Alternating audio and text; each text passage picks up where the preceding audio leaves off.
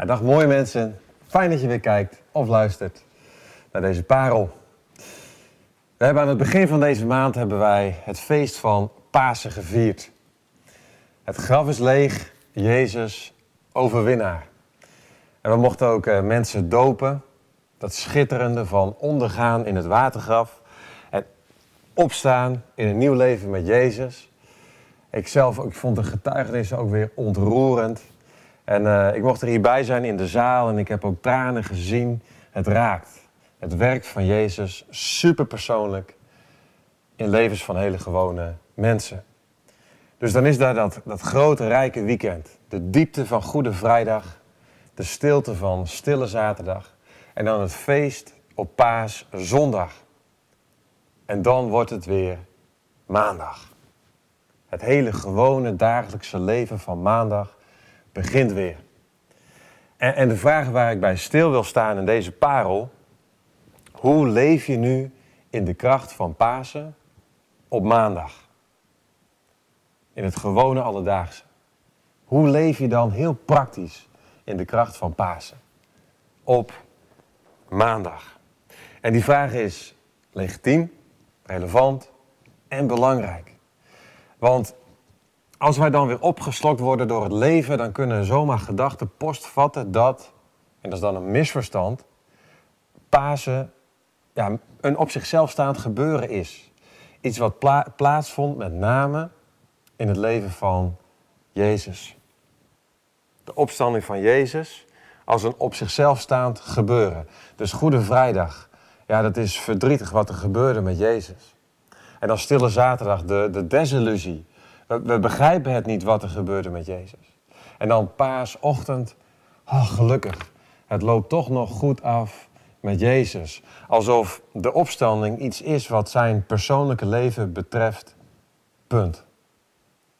Maar de opstanding van Jezus is geen gelukkig einde van zijn leven. Het, het loopt toch nog goed met hem af. Nee, het is groter. Het heeft allesomvattende betekenis. De opstanding van Jezus betekent een voorgoed, voor eens en voor altijd. Een voorgoed begonnen, nieuw begin. Het is de doorbraak van leven. Het is Gods toekomst, toekomst die, die straks in al zijn volheid zal baanbreken. Nu al, in het hier en nu, in het vandaag. En, en daarmee, en dat is wel bijzonder om op te merken, daarmee is de opstanding van Jezus ook een andere, bijvoorbeeld, dan de opstanding van het dochtertje van Jairus uit de dood. De opstanding van Jezus is daarmee ook een andere dan bijvoorbeeld de opstanding van de jongeling van Nain uit de dood. Of dan Lazarus die opstond uit het graf. Ja, zeker, ook, zij stonden op uit de dood door toedoen van Jezus. Maar het is alsof zij terugkeerden uit de dood. Om later weer opnieuw te sterven. En daarin verschilt de opstanding van Jezus uit de dood. Want hij keerde niet terug uit de dood. Nee, hij brak er dwars doorheen. Om aan de andere kant van de dood weer op te staan en op te komen uit het graf. Jezus baande met zijn opstanding de weg. Voor eeuwig en altijd. De weg gebaand naar Gods toekomst. Dus die weg is open. Tot op de dag van vandaag. En doordat Jezus een weg heeft gebaand naar Gods toekomst, nu al, kan het licht van Gods toekomst nu al schijnen in ons leven. Nu al schijnen in onze maandag. De kracht van Paas in het dagelijkse gewone leven. En daarmee mogen wij ons verbinden. En het is Paulus die dat heel mooi zegt in Colossense 3, vers 1. Hoe wij door geloof verbonden zijn met de kracht van Pasen. In het leven van elke dag. Hij zegt, als u nu met Christus uit de dood bent opgewekt, streef dan naar wat boven is. Waar Christus zit aan de rechterhand van God. Hoor je hem? Als u nu. En je kunt ook zeggen, omdat u nu met Christus uit de dood bent opgestaan. Oftewel, wij zijn verbonden met de opgestane Jezus. Het verhaal van zijn opstanding is groter dan dat hij alleen maar persoonlijk opstond uit de dood. Ah, het liep toch nog goed met hem af. Nee, wij zijn met hem opgestaan. Het heeft alles omvattende betekenis voor het leven van ons vandaag. En hoe dan? Nou, ik wil een paar dingen noemen. Hoe wij ons in geloof heel bewust kunnen verbinden met de kracht van Pasen. Met de levende, opgestane Heer Jezus. Ook op maandag. En hoe dan? Nou, één manier om dat te doen is door heel goed te kijken naar de opstandingsverhalen uit de Evangelie. En ons dan heel bewust ook te verbinden met de opgestane, met Jezus. In al zijn kracht. En hij, zoals Paulus ook zegt, hij is gezeten aan de rechterhand van de Hemelse Vader. In volle glorie en majesteit. En door de geest woont hij in al zijn volheid in ons hart. Dus hoe kunnen we nou in het gewone leven van elke dag ons verbinden met deze Jezus? Nou, een van de manieren is dat we ons verbinden met wat Hij in de opstandingsverhalen laat zien aan ons in wat Hij doet. En ik wil drie dingen noemen. En het eerste is dat Jezus, heel eenvoudig, tevoorschijn komt uit de schaduw van de dood. Hij komt tevoorschijn, want Jezus, hij verlaat het graf. Hij verlaat de schaduw van de dood. En hij stapt in het volle licht van de dag. En wat ik zo mooi vind, Jezus stond op op de derde dag. Maar dan niet aan het einde van de dag, maar aan het begin van de dag. Bij het ochtendgloren. Dus bij de ochtendschemering, bij het krieken van de dag. En dat vind ik mooi.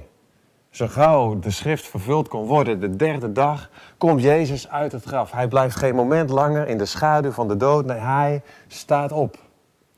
En dat vind ik een mooi beeld. Dat ook wij elke ochtend weer, bij het krieken van de dag, als we uit ons bed springen om de dag in te gaan, te zeggen, ook vandaag wil ik de schaduw van de dood achter mij laten. Ik wil mij verbinden met de opgestane. En ik wil wandelen in zijn kracht. Ik wil wandelen in het licht van zijn liefde. Ik wil wandelen in het leven dat hij is. Hij die woont in mij.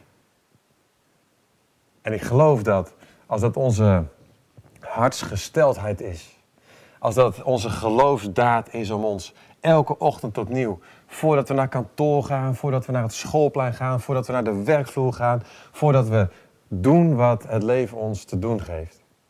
Voordat we daar inspringen, ons beseffen, hé, hey, ik wil mij verbinden met de opgestane.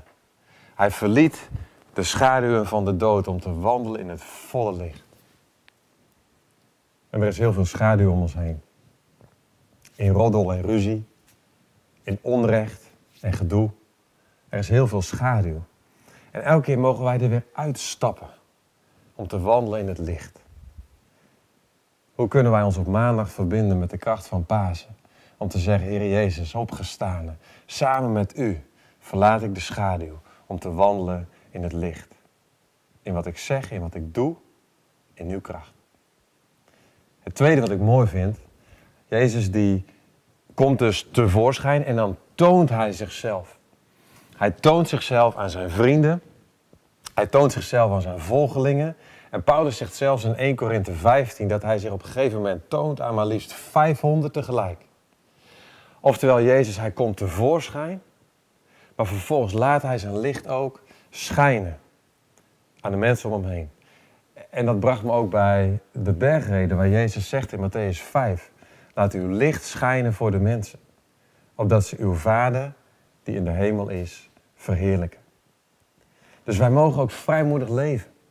Als we dan tevoorschijn komen in het licht, laten we dan ook zoveel mogelijk intentioneel en doelgericht zijn om licht te verspreiden. Dus woorden van bemoediging en van hoop en van leven te spreken in situaties waar schaduw is. Om gewoon te laten zien, hé, hey, maar wij zijn mensen, een volk van hoop. We zijn mensen vol van leven.